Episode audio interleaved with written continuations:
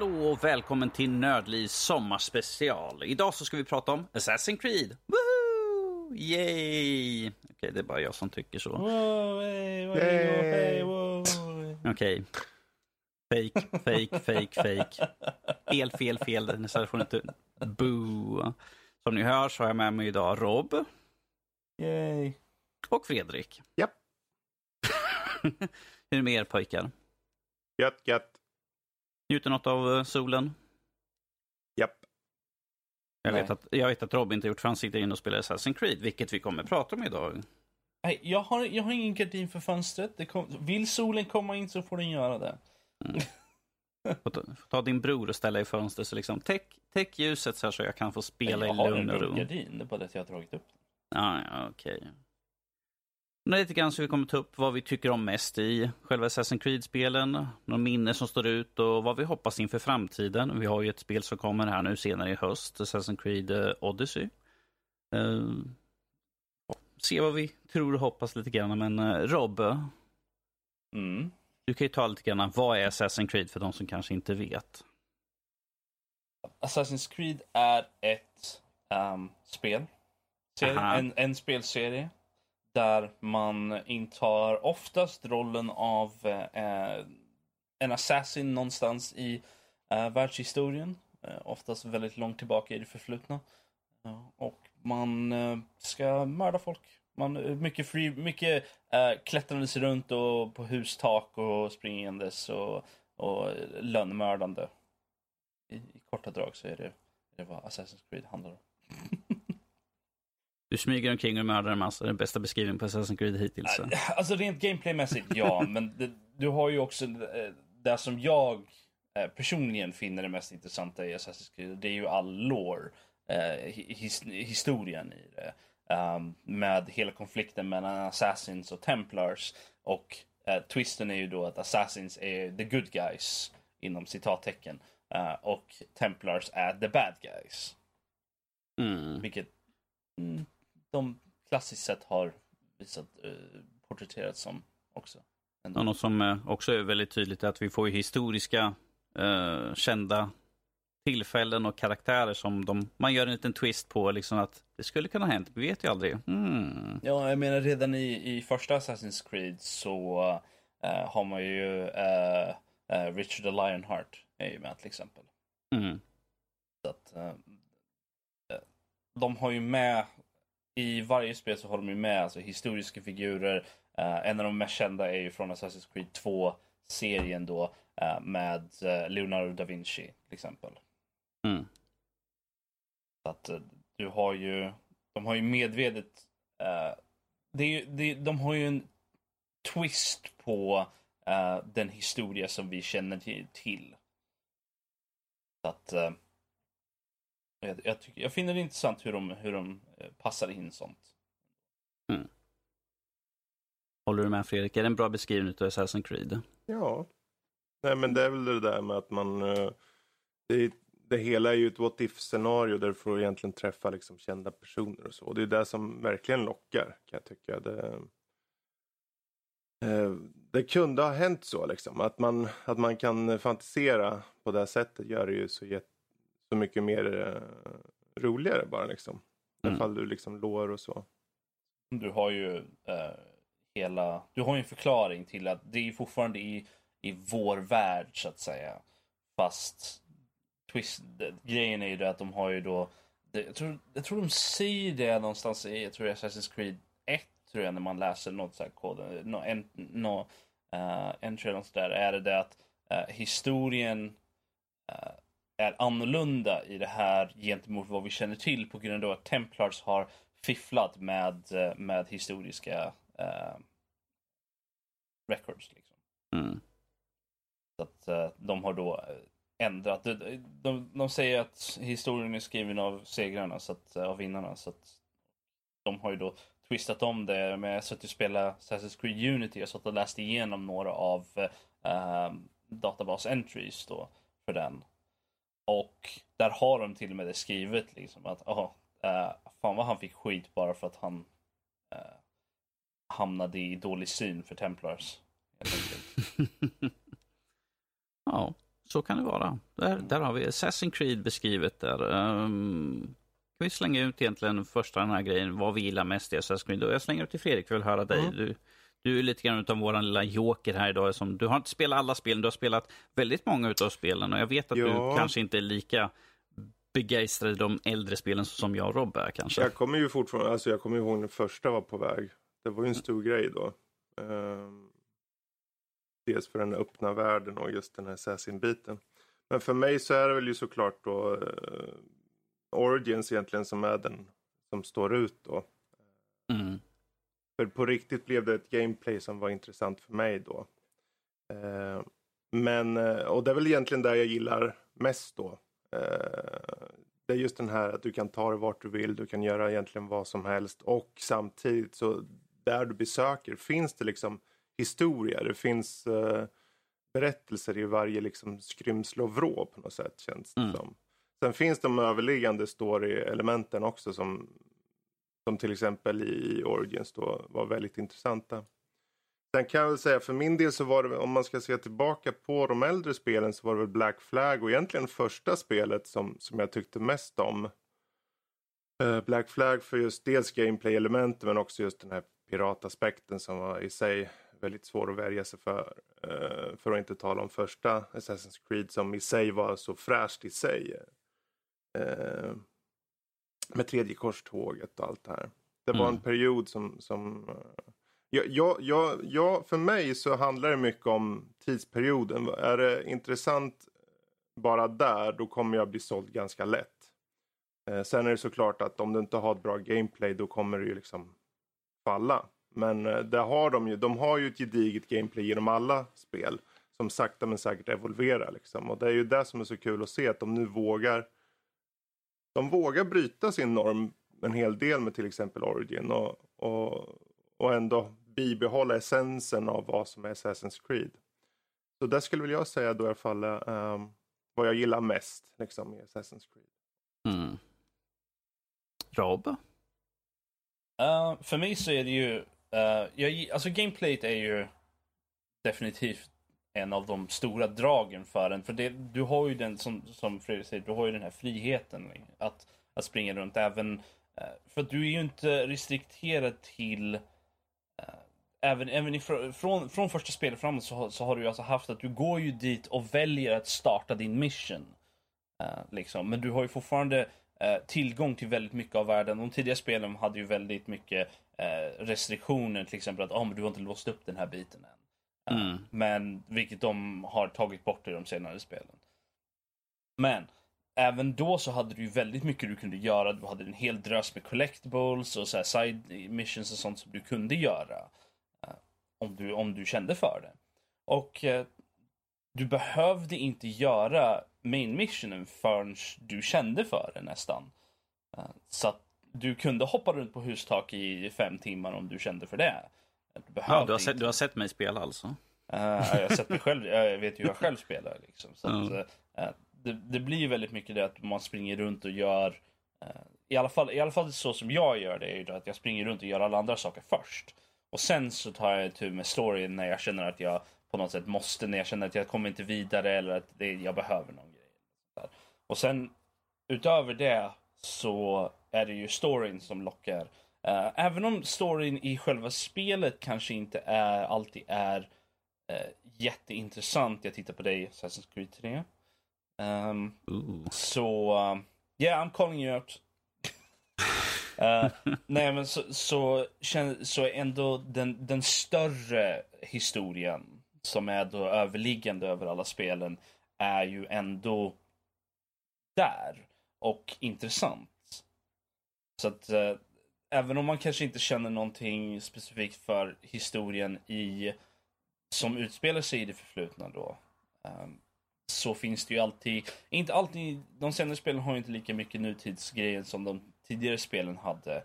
Um, men du har ju fortfarande den där och du har ju även uh, skillnaderna som är gentemot våran historia mot de, den som är presenterad i spelen då vad saker är till för, vart de kommer ifrån och vad det betyder. Eh, jag kommer inte ihåg, är det Revelations eller om det är jag kommer inte ihåg vilket av dem nu är som hade väldigt mycket information angående tidigare, eh, mycket experiment och tidigare så mer modern historik från typ 1900-talet Eh, inbyggd i, i låren. Jag, kommer inte, jag tror det var Revelations som hade en hel drös med sånt. Som var väldigt intressant att, att höra om. Liksom, att, ja, men, att de här historiska figurerna som ändå inte är så långt tillbaka i tiden var en del av den här konflikten. Och det är ju någonting som man väldigt snabbt lär sig är det att har någon varit en, en stor historisk figur så har de oftast varit en del av den här konflikten också. Mm. Mellan Assassins och Templar. Så jag tycker att den konflikten är väldigt intressant. Så att uh, det är någonting som drar mig tillbaka uh, till Assassin's Creed gång på gång. Mm. Uh, för min egna del så är det ju gameplayt såklart. Uh, få lite utlopp för mina modiska tendenser.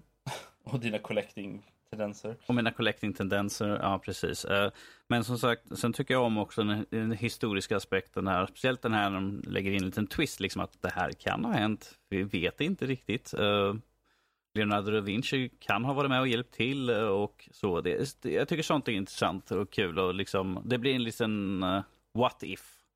Helt enkelt. Sen tycker jag om att man får väldigt mycket historiska saker berättade för sig. Det är, det är, lite grann som en historiebok ifall man Bortse från de saker som är fejk. Men de har ju med eh, i nästan varenda spel var man är så får man alltid information om till exempel det här huset, den här, den här delen av staden och sådana saker. Eller de här personerna levde här och så här fungerade samhället. Och vi kan ju ta bara ett Origin som exempel där vi har den här uh, som finns. Eh, som de släppte senare. Där man kan få massvis med information hur det var att leva i Egypten. Jätteintressant tycker jag. Jag har gått igenom allting sånt där. För mycket, eh, nästan till. Eh, sen såklart, i de första spelen så var det väldigt, väldigt mycket smyga omkring. Eh, Origin inte lika mycket smyga kanske. Eh, nu kunde man nästan springa rakt in och mörda bäst man ville. Även fast jag smög hela tiden, så ofta det gick sådär.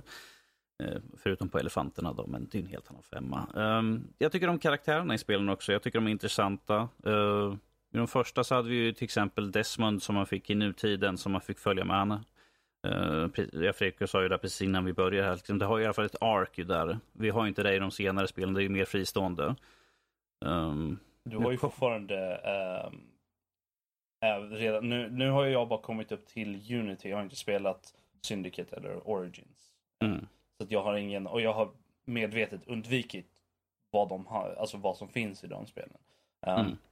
Men upp till uh, Unity i alla fall så har du ju fortfarande, du ser ju fortfarande, och det gjorde du ju i Black Flag också, uh, de, de, här ramifications av vad som hände i till exempel de eh, ettan och tvåan och trean. Då. Uh, då, det som, hela Desmonds grej och allting som, som kom från honom har ju är ju saker som fortfarande känns vid i de, i de senare spelen, även om de kanske inte är så uh, tydliga. Jag kan säga till er nu att nej, det är inte det de senare spelen. Det är inte så mycket. Samma sak med pre, uh, vad heter de? Uh, jag, jag, kallar dem för precursors, eller the first race som de även kallades. Uh, där var ju en ganska stor grej också, det tycker jag var intressant. Liksom en, en, en, ras liksom som fanns före som var superutvecklad och så hände en katastrof och det är där liksom man håller på att springa tillbaka och försöker lösa och sånt där. Eh, inte lika mycket i de senare spelen. Sure, det finns några små snippets här och där, men eh, jag skulle önska vi fick lite mer sånt. Jag vill i alla fall ha mer sånt. För jag tycker att det, det är liksom något som har gått över hela spelserien. Så där skulle jag vilja se mer och det tycker jag är intressant i alla fall. Det, det finns så mycket man tycker om, speciellt springa omkring och samla eller bara springa omkring och utforska. Det är, jag tycker det är skitkul. På Origin har jag lagt långt över 100 plus timmar, jag vet inte ens hur långt hur mycket. Så att för den som vill, mycket speltid. Jag uppskattar sånt. Uh, tyvärr försvinner jag bort och sen liksom så, då vill jag hänga, hänga med och göra någonting bara. Spela spel. spel Vad då för någonting? Assassin's Creed. Nu igen. Ja. Men mycket av det goda helt enkelt sådär. Men det är ju bara några utav de saker vi tycker om. Mest mörda. Um, ehm, vi hoppar lite vidare till, eh, finns det några minnen eller no någon händelse i spelen som sticker ut lite extra sådär? Någonting som lockar till? Jag var inne lite grann och sniffat runt lite grann på just den här, på det jag sa sist nu. Men eh, är det något speciellt som ni tycker liksom sticker ut? Någonting, någonting som har varit riktigt så wow, wow-moment i Assassin's Creed-serien? Alltså, du har ju, det finns ju några stycken, men jag känner att många av dem är ju spoiler-moment också för de spelen. Jag vet att många av dem är ju liksom, jag menar som, det finns ju till exempel ett i Assassin's Creed 1. Så, men det är ju liksom, det är ju 11 år gammalt vid det här laget. Men fortfarande, är det, ska vi sätta en spoiler-tagg på det här då eller är det? Det är fritt fram. Vi pratar om Assassin's Creed, då kan folk räkna med att vi kommer prata om det som har hänt i spelen. Ju, så. Okay. bara. Uh, för jag menar som i Assassin's Creed 1 till exempel. Uh, när, det är ju mot slutet av spelet ändå. Och när man får reda på att, jag kommer inte ihåg vad han heter nu, men, men um, the, the Master of the Assassins. Liksom, Grandmaster of Assassins. Uh, han som har varit uh, mentor, mentorn liksom, för Assassins. Jag kommer inte ihåg vad han heter nu men... Ja, uh, oh, gud. Kommer inte heller ihåg. Uh, Al-Mualim tror jag han heter. Ja, så kanske han gör. han i alla fall. Man får reda på att han är en templar. Till exempel. Det var en stor grej. Det, det är ju en stor plottgrej i spelet. Liksom.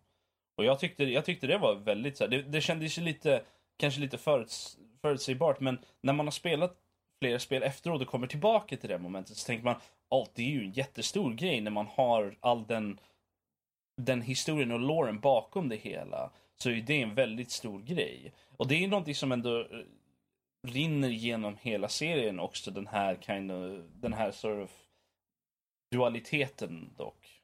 Uh, du har ju en, en, en, en, stor grej i Assassin's Creed 3 till exempel. Där personer man har spelat som de första, jag tror fyra, fem timmarna eller något sånt där av spelet.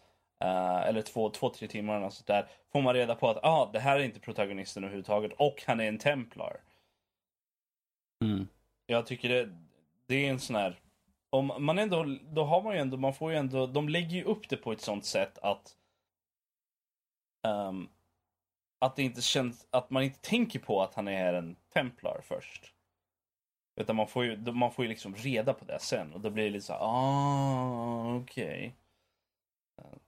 Och sen, bara hela Assassin's Creed Rogue, om inte annat, är ju en stor grej. Bara att man får spela som en templar äh, springandes runt och man har hela det journey med äh, honom.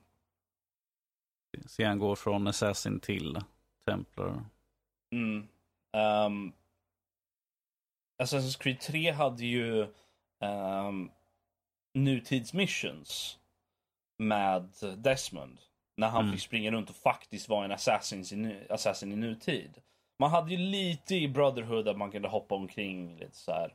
Uh, men inte lika mycket som i, i trean då. Um, där man faktiskt fick gå ut och göra det. Och det var riktigt coolt. Det var en stor grej tyckte jag. Är så synd att det uh, tog slut. Mm. Vilket är också en stor grej i och med Desmonds död i slutet på Assassin's Creed 3. Det var ju också en stor grej. Det kändes väldigt mycket som att uh, vi kan inte komma på någonting mer med honom så vi tar och dödar honom istället. Så att, uh, jag vet inte riktigt. Men uh, jag tror att de, de är de stora för mig i alla fall. Det finns ju betydligt mycket mer men ja. Fredrik, har du något sånt här speciellt? Någonting som sticker ut? I ja. Assassin's Creed? Alltså jag tänker mer så just med minnen som står ut. Det är inte så mycket saker i spelen, mer som hur jag upplevde spelen när de kom. Mm. Um, och egentligen så det går ju tillbaka till det första spelet då, känner jag. Jag menar, du kommer ju ihåg hur det var då precis innan. Det var ju, alltså när de började visa upp för Assassin's Creed. Då kände man att det kändes väldigt nytt och fräscht. Det var som uh, man tänkte, okej, okay, det är en slags... jag vet inte hur många som... Då tänkte man inte så mycket på open world och så på samma sätt som idag. Men det var ju ändå det. Det var ju ett open world. Liksom. Eh, fast det var en assassin och det var mycket stealth. Vilket man inte hade sett förut. Mm. Och sen så visar de alla de här. Eh, först kom screenshots och sen så kom det då. De visar ur spelet. Alla bara wow. Just den där första första gången man fick se det så tänkte man det här, det här kommer bli något nytt och fräscht. Och det, det visar ju också på dragkraften i och med att det ändå har hållit nu i tio år. Liksom. Mm. Uh, men det är väl egentligen en av mina första minnen. Just, just uh, jag undrar om det inte var E3 typ något år innan där Liksom när de visade upp det och man tänkte vad fan är det här?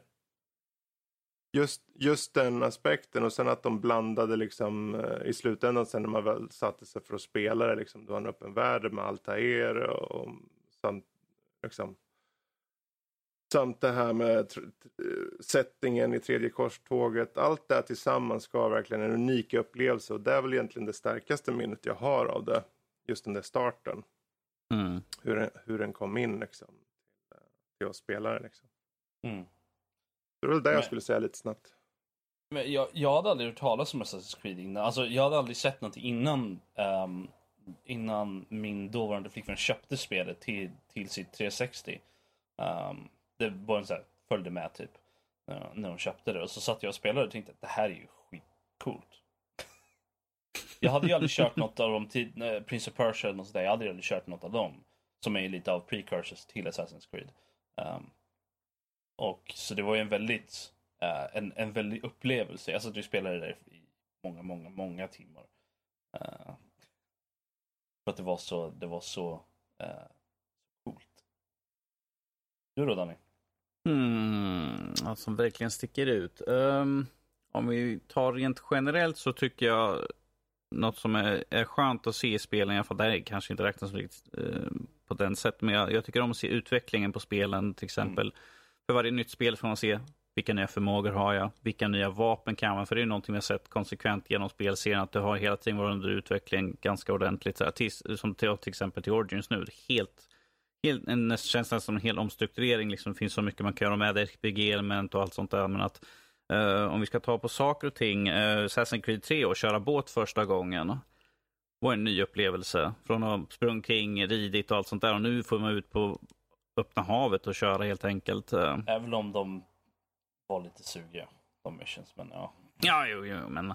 De var inte uh, bästa. Men de, tog, men de tog ju mycket av det liksom till, över till Black Flag och fixade det. Och gjorde det betydligt Precis. Uh, och sen bara den, liksom, man är ute och kör och tycker att liksom, I'm king of the sea. Och sen kommer de här jävla, oh, vad heter de, de här superbåtarna. Jo, jag vet vad du menar. Jag kommer inte ihåg vad de hette, men det fanns någon Legendary super... ship. Legendary ship. Jag försökte ta man, jag hade uppgraderat mitt skepp till max liksom och allting. Och så där. Åh gud vad jag jag slank därifrån med svansen mellan benen och skämdes. Och liksom, jag bara, jag har inte en chans på de där jävlarna. Vad fan jag tror jag är det här för någonting? ett av dem. Åh oh, gud, ja. Uh, jag skippade det där till slut. Liksom. Jag ville bara komma vidare. Jag, jag tror jag satt och spelade två Assassin samtidigt. Då, så. Men uh, det och... Uh, alltså, bara första spelet, liksom, när man kommer in första gången och, märker, och känner av liksom, själva gameplayet. Eh, uh, nytt, som Fredrik har sagt här tidigare, nytt och fräscht. Liksom. Det, det stack ut från allting, alla andra. Sådär. Och, uh, jag tycker det fortfarande känns så. Även för folk säger att ja, men är de precis som alla andra spel. De är som Call of Duty, det är ett nytt spel varje år. Kanske det, men att det är fortfarande jävligt kul. Eh, något som jag tycker sticker ut ganska bra för mig och ger bra minnen, det är liksom alla de fantastiska karaktärerna som finns i dem. Och det, då kan vi ta bara huvudkaraktärerna tycker jag är intressanta. Eh, varje spel har en, en stark huvudkaraktär.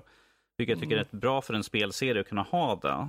Eh, istället för bara som alla andra ha någon generisk, någon no-name karaktär som liksom du ska ta dig an och liksom du ska vara den karaktären. Här har vi liksom en, en skriven karaktär. Jag tycker det är något som sticker ut jättebra. Om vi tar till exempel eh, från trean Connor. Jätteintressant. Väldigt konfliktad eh, karaktär. Liksom. Hans far är en templar.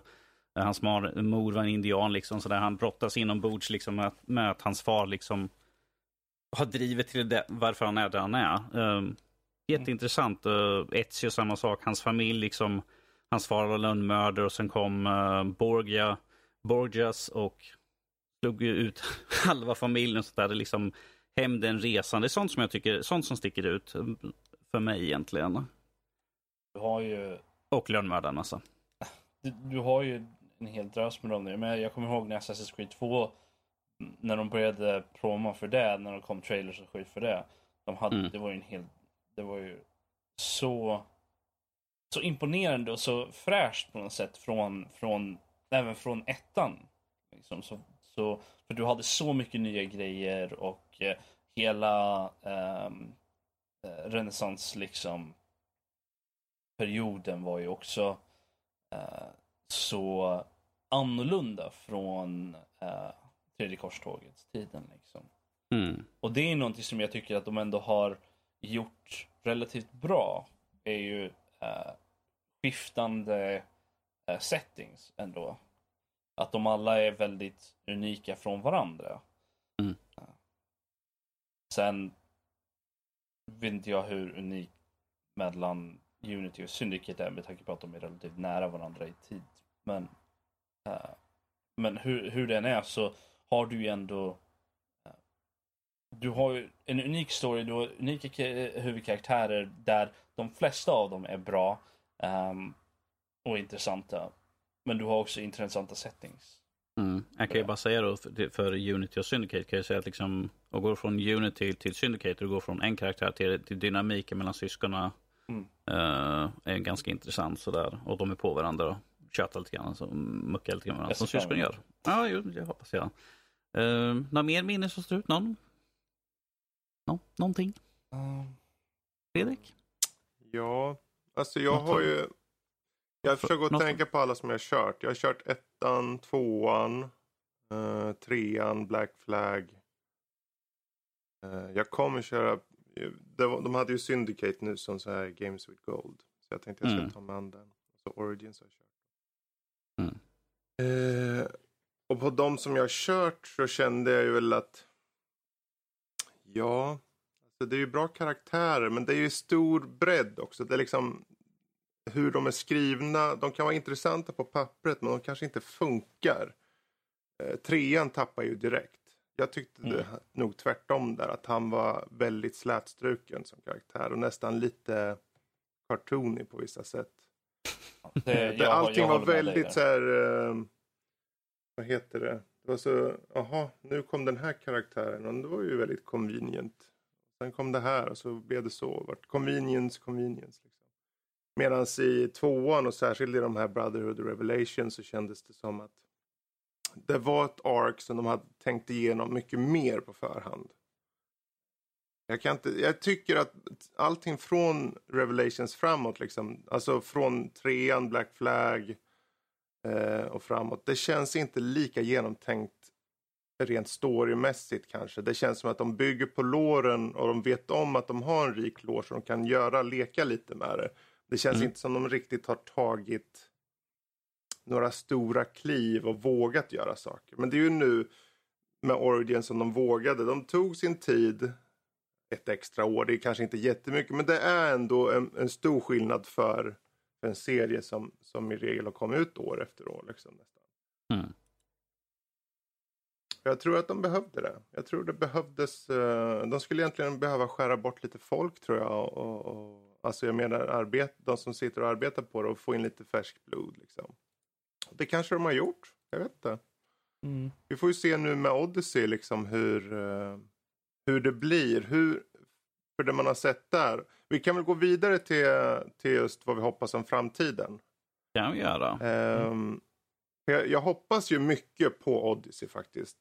Eh, jag, hade, som, jag vet inte, många kanske har tänkt på just det här med, ja, men vad som komma skall. Det är många som tjatar hela tiden om Japan. Jag lägger ner med Japan nu. Det kommer säkert men det här med att Odyssey kommer och det var liksom Grekland och det var liksom ja, det, det tog mig lite så här uh, out of the blue faktiskt på ett sätt. På ett jävligt positivt sätt. Eh, jag ser fram emot det riktigt mycket för det, när man tänker på så är det ju en perfekt period att utforska. Mm. Hur binder de det med storylinen? Särskilt nu när det utspelar sig, eh, vad är det, 200, jag vet inte hur många år innan Odyssey. Od- Eller så Odyssey, Origins. Eh, Odyssey ska utspela sig mellan 431 och 404 BC. Mm. Så det är... är 400 vad- år innan liksom. Så det, och de skapar ju mer eller mindre liksom orden i, i eh, Origins. Så det är ju intressant vilka aspekter. Och det är ju det som du, jag tror du var intresserad av just mycket den här the ancient eh, liksom race och allt det här. Eh, Danny. Mm. Jag tror nog att vi kommer se, jag, jag hoppas och tror att vi kommer se en del av det där. Det finns eh, som att de kommer implementera just det här, åka runt bland öarna kanske. Finns det gamla artefakter både här och var och att det finns en mer att det finns en aspekt i artefakterna som betydligt mer penetrerar storyn, hoppas jag. Det, det känns ju som om de sätter upp det med det här Blade of Leonidas. Mm. Det känns ju nästan som att den på något sätt är en sån artefakt. Precis. Uh, men det är ingenting som man har sett för de är ju oftast väldigt guldglansiga. Um, de artefakterna. Så att det är... Mm. Ja, jag, det är väl egentligen det jag hoppas om framtiden. Jag, jag ser ju fram emot det här. Sen hoppas jag att de tar ett extra år för kommande del. Uh, jag, jag tycker jättemycket om Origins och jag kommer förmodligen tycka om Odyssey. Men jag vill inte bli mätt på det. Jag är rädd att bli mätt på det. Uh, Mm. för mig gör inget. Ta ett extra, eller två till och med. Låt det gå tre år innan nästa del kommer. Det gör ingenting. Det är nästan bättre. Bygger upp sug. Man, man, eh, de kan släppa lite DLC och bygga upp eh, på Odyssey.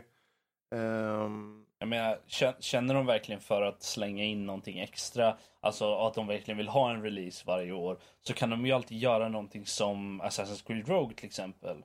Som ändå är ett fullt spel, men som inte riktigt handlar om vad main-serien handlar om så att säga. Eh, för det är ju, även om det är, räknas som ett spel i main-serien gör det. Um, det är ju då en, en bridge mellan fyran och Unity. Så, så är det ändå lite, ut, lite sidostående.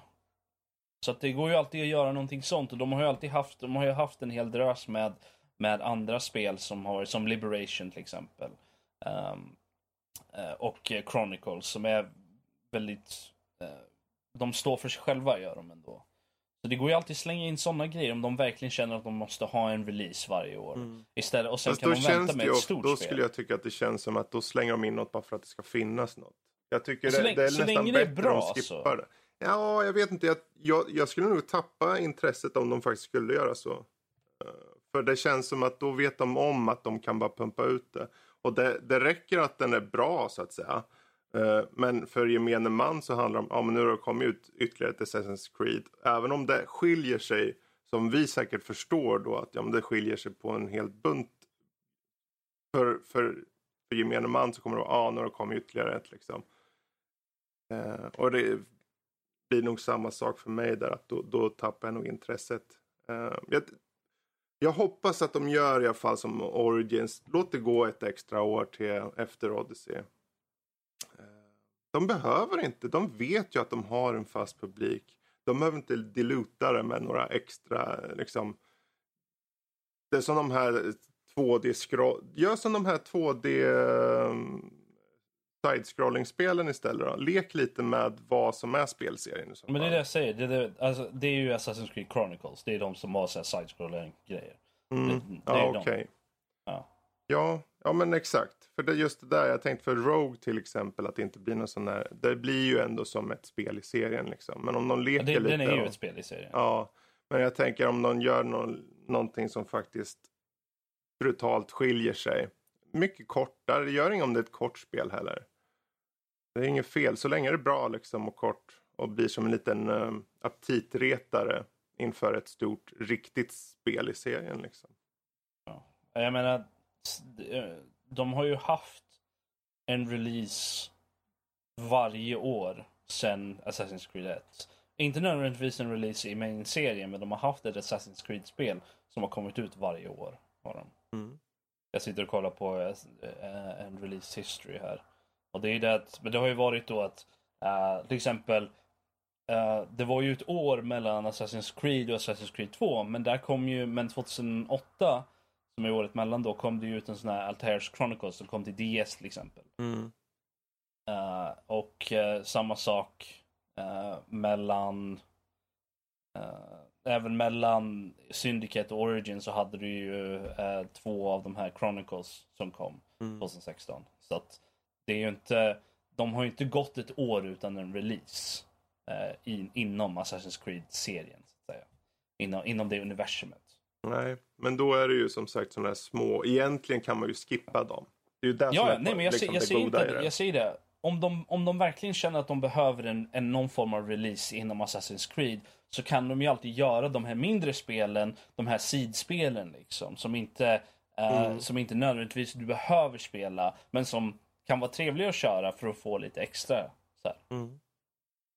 Vad hoppas du Dan inför framtiden då?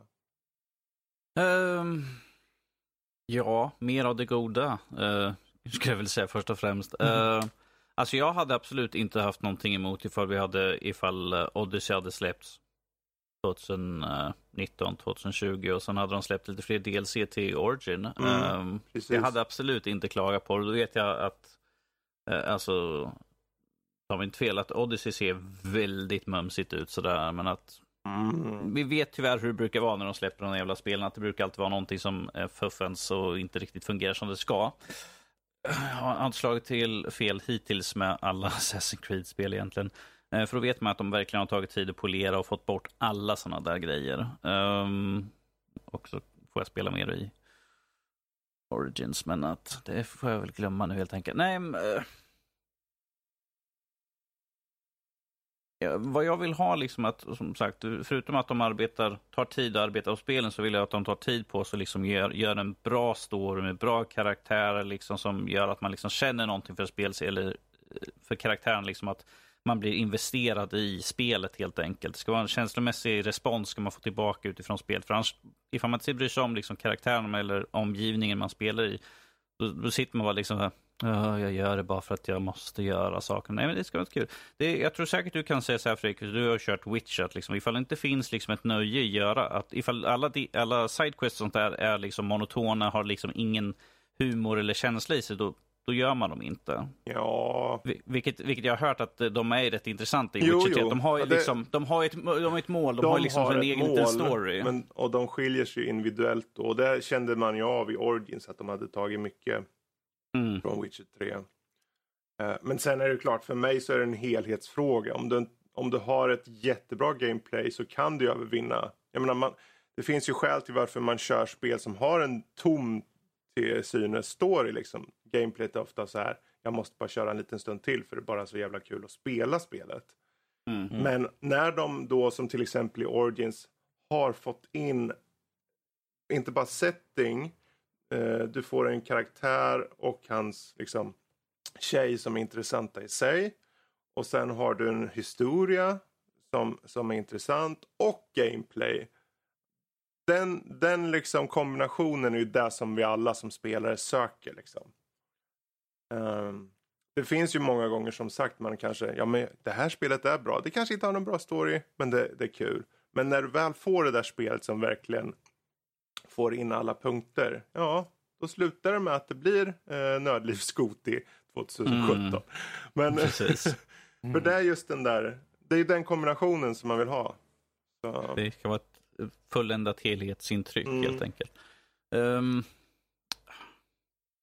vad vill ha? Uh, tidsperiod spelar ingen roll. Vi satt ju och pratade om det här lite grann och jag sa liksom herregud, vi kan ju ha i Sverige liksom. Ja, vi har haft, Sverige har haft, vi har, Sverige mm. varit med i massor med krig. Vi, jag vet inte hur man ska binda ihop det till helheten med allting sånt där. Eller som jag sa, fan vi kan ju ha vikingar, det skulle vara coolt. kan vi ut och åka med båtar och allt sånt där. uh. Uh, men som sagt, tidsperioder, jag bryr mig inte. Och som vi sa förut, att sluta tjafsa om Kina och Japan och sånt där, det kommer komma säkert förr eller senare. För de, de har ju hint om det förr. Ja, Chronicles har ju redan där i China. Precis, och, och de vet ju vad fansen vill ha. Eftersom det är typ, så fort de frågar liksom, vad, vad tycker ni att vi ska göra nästa? Och folk bara, ah, gör det i Japan, ah, gör det i Kina. Liksom, de vet att folk, när de väl, ifall de har liksom, vi inte riktigt vad vi ska göra, vi har tömt på oss det. Japan? Ja, de, folk, de, folk de hade ju det. De, gav, de gjorde ju ett statement här vid Assassin's Creed 3 tror jag det var, eller 4 så frågade de ju folk vad skulle ni vilja se? Vad, vilka ställen skulle ni vilja se? Och uh, London, uh, uh, Japan och jag kommer inte ihåg, det var en tredje också, var stora vinnare på den. Mm. Men de har sagt, de sa det under den, tiden också då att alltså de är grejer som vi inte kommer göra förrän kanske långt in i framtiden då. På grund av att det finns mycket mer intressanta settings uh, för, um, för just Assassin's Creed. Och sen så kommer ju Syndicate och man blir så här, mhm. Då vart, jag, då vart jag lite så här, aha, okej, okay, så ni kände aha. trycket då eller? Men eh, jag, alltså, det, där, jag, det där är ju sex år sedan nu ju så. Jo, jo, men så jag, jag skulle gärna vilja se Uh, något, något ställe, precis som uh, som uh, Tredje korstågen hade ju ändå ganska, det var ju ganska utanför vad man vanligtvis ser i form av uh, period och, uh, kanske inte period men i alla fall uh, område, setting då. Uh, I och med att det, det, jag hade ju inte hört talas om typ alla av de ställena förutom uh, förutom Jerusalem då. Uh, mm. innan, innan det spelet. Uh, och samma sak egentligen med, med Assassin's Creed 2 med renässansen då. Att det, det, var ju många ställen där som man inte kanske kände till. Uh, så, eller man kanske har hört någon gång men man vet riktigt, man har ingen ingående kunskap om dem.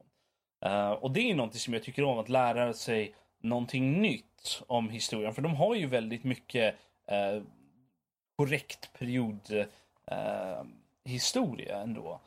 sen så twistar de ju det på, på sättet som, som de gör. Uh, och det är därför som jag tycker till exempel att ja, men Egypten väldigt coolt.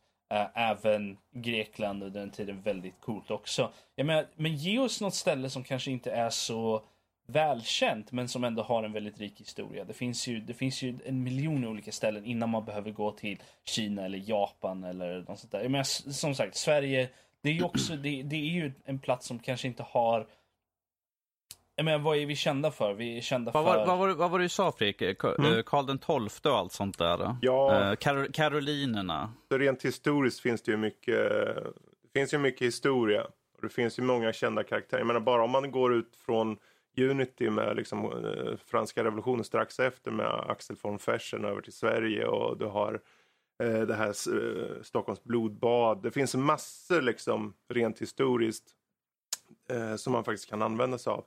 Sen skulle jag kunna tänka mig, tänk om man hade en Assassin's Creed, inte specifikt Sverige men kanske just Scandinavia i sig. Att, den, mm. att du så här, kan roma fritt från, typ Stock, från Stockholm ner till typ Danmark och kanske de här tyska handelsstäderna och så. Det finns en rik miljö och det finns en setting som skiljer sig i både utseende och ton där. Som mm. vore jätteintressant. Men du har ju väldigt mycket för Sverige, är, Sverige har ju ändå en ganska, jag menar, som många länder så har det ju en väldigt rik historia. Uh, Vi har en väldigt rik historia med att det är men, så utspritt. Ja. ja, men det är ju också det att uh, det är inte många som känner till den ut, utanför Sverige. Då är det dags att de får lära sig. Det ja, men det är det jag menar liksom. Det är det jag menar. Använd, använd Assassin's Creed för att lära ut det här lite. Men som du gjorde med Egypten, liksom. Du har ju... Man lär sig ju genom spelet ändå. Om vissa saker, om, om väldigt mycket av det ha en setting där folk har en viss uh, vy av det, här, av det här landet och deras historia medan lär, använd det för att, för att visa upp liksom att det här är det som, det här är en del i deras historia. Ja, och, jag kan bara tänka mig liksom på folk, folk i bakgrunden går omkring och pratar på gammelsvenska sådär. Oh dear. Uh, fast de, ofta så har de, de, de har ju väldigt ofta bara några ord och hit och dit liksom. Så. Horri. Ja, jo. Origins. Mm. Ja. Ja. Assassin's alltså, Creed. Alltså, Blue, jag, jag, skulle, jag, skulle, jag skulle vilja se någonting i Afrika faktiskt. Jag tycker det skulle vara en intressant ja. setting så att säga. Mm. Vi, alltså, vi, visst, vi har ju varit i Egypten sådär, så vi har ju liksom snarlik setting, men liksom någonstans i mitten. Kanske Zulu-riket eller någonting. Ja, precis. Eh, Zulukrigarna och sånt där. Um, det tycker jag skulle vara intressant faktiskt. Ja, men om de, om de fortsätter med trenden just nu att gå tillbaka så långt de bara kan. Så uh, kan man ju inte, är det inte alltför en stretch att faktiskt gå uh, hela vägen tillbaka till, grott, till... till grottgubbar där, de, där Assassin istället har de en sten som de har fäst vid armen. Stenklubba är ditt Stenklubba, liksom, precis. huvudvapen. Liksom. precis. Men jag menar, Assassin's Creed hade ju klubban som, som väldigt stor eh, prominent vapen. Eh, den här yxan. Mm. Men liksom, jag tror, jag tror att det går ju alltid att gå tillbaka så långt. Och det finns ju en hel drös med andra ställen i hela världen. Jag menar, Australien skulle ju säkert vara väldigt intressant att ha någonting av också. Um, det, det finns... Ja, nej men alltså det, det, finns ju alltid, där har du ju ändå mycket utrymme och, om du vill ha en stor karta till exempel. Och grejer. Hel, hela Australien kan man springa. Jaha, eller hur. Eh, även, även liksom Sydamerika, det, det finns ju eh, fortfarande en hel drös med ställen i Asien som inte är Kina. Som, som man kan gå till. Och även, eh, även Europa har ju en hel, flera länder som inte har blivit utforskade liksom, som ändå har en väldigt, men varför inte gå till eh, Spanien under uh, inkvisitionen till exempel? Men det är um, Bra, nu kommer jag att tänka på Monty Python resten av kvällen. Ja, uh, uh, no one expects the Spanish Inquisition. Um, men liksom det, det, det, det, finns ju ändå en hel drös med grejer utan att behöva gå för de uppenbara. Så att, uh, mm. Och det, det är något som jag vill se i alla fall. Mer, uh, mer settings som är inte är så välkända nödvändigtvis. Så man får lära sig någonting. Mm. Jag, jag är mest fundersam hur långt ifrån de kan gå rent uh, gameplaymässigt innan folk börjar känna liksom att ni har gått för långt ifrån. Ja. Jag har en uh. känsla av att huvudspelen ändå kommer förhålla sig till tredje person länge, länge. De hade ju, Men, jag menar, uh, Revelations, Assassin's Creed, uh, Revelations, Black Flag och Rogue hade ju alla first person element. Hade de ju. I nutidsläget eller utanför uh, main simulationen. Liksom. Mm. Hade de ju. Uh, Revelations hade ju ett platforming-grej som de... första persons platforming uh, segment hade de. och Black Flag och Rogue hade ju nutid fast i en så här spelutvecklarstudio typ. Mm vad hette, jag kommer inte ihåg vad den hette, det är ju en subsidiary av Abstergo. Typ, vad heter den? Abstergo Entertainment eller något sånt där hette det. Uh, mm. Man fick springa omkring och lära, uh, göra grejer. Så att, uh, um, och jag tyckte det var, det finns ju ändå element där, så att säga. Eh, men jag tror att, men så jag tror att som du säger, jag tror att de större delen av main-spelen kommer vara eh, tredje person för det är det som deras, lite av deras identitet är en del av. Men eh, det finns ju alltid rum för att... äh, alltså, du kan, man kan ju alltid göra som i vad är det, Skyrim och de, att du kan välja om du vill vara i första person eller tredje person. Mm. Det går ju alltid. Uh, jag tror inte det är någon som kommer säga bu eller bä, eller ja, det kommer ja. Men alltså, det, du, du får ju ett val då i alla fall och spela det som du vill. Jag tänkte bara så inte helt plötsligt att ja, nästa Assassin's Creed, Assassin's Creed uh, China, RTS. Eller hur? Man bara, what? Excuse me? Som hu i huvudspelserien då menar du eller? Ja precis, man bara, ja, uh, då skulle ju folk uh. skita knäck tror jag. Ja, jag tror att, jag tror att det, det finns ju vissa uh, förväntningar när det kommer till de här mm. spelen. Jag skulle inte säga nej till ett uh, Assassin's Creed RTS. Skulle jag inte. Uh, men det skulle inte, jag tror inte det skulle passa som ett av main-serien. Men som sagt, ett av de här CD-spelen som de gör mellan, mellan de stora. Jag menar, ett RTS, varför inte? Mm. Jag, menar, vill de, vill de äh, manipulera eller liksom ge sig in i, i mobilmarknaden igen? Jag menar, det går ju alltid. Igen? De jag, har redan massvis med spel på Ja, men det är det jag säger. Det, det kommit ett mobilspel sedan äh, 2014. Har det gjort. Mm. De har ju, vad heter det för någonting? Assassin's Creed Rebellion. Det är ett mobilspel. Du, typ, du bygger upp din bas och du tränar upp dina assassin och låser upp dem genom att hitta eh, DNA för dem, minnesegment med deras DNA. Ja, men alltså det, det, det är ju ett så här litet Men jag tänkte mer nå någonting lite större. Du har ju mm. till exempel, uh, för du har ju haft spel som Assassin's Creed uh, Identity och även Även den första, den första här lilla Assassin's Creed Altair's Chronicles som kom ut 2008 kom ju till DS men den kom ju även till Android till exempel. Den kom ju till mobiler. Mm. Så att det, du har ju ändå presence för många där. Och vill man verkligen ge sig in i så finns det ju, ju RTS-moment på eh, mobil. Så varför inte? Mm. Ja. Vilket som, jag, jag hoppas i alla fall på mycket nytt och roligt och att, att de tar sig tid med de framtida spelen i alla fall. Men uh, vi kanske ska ta och knyta ihop säcken mm. där för den här sommarspecialen i alla fall. Uh, Vad kul att du ville vara med och prata lite Assassin's Creed sådär. Ja. Eh, Alltid vi, alla, vi, vi, vi, alla tycker om att lönnmörda i smyg. Eller helt Eller- öppet. va? Va? Eller helt öppet, precis. Är inte hela poängen med att lönnmörda att man gör det i smyg? Nej, överskattat.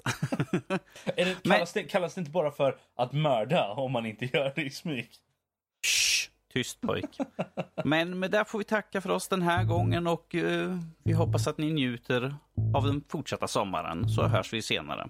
Hej då nu pojkar. Bye bye. Bye. Toodaloo.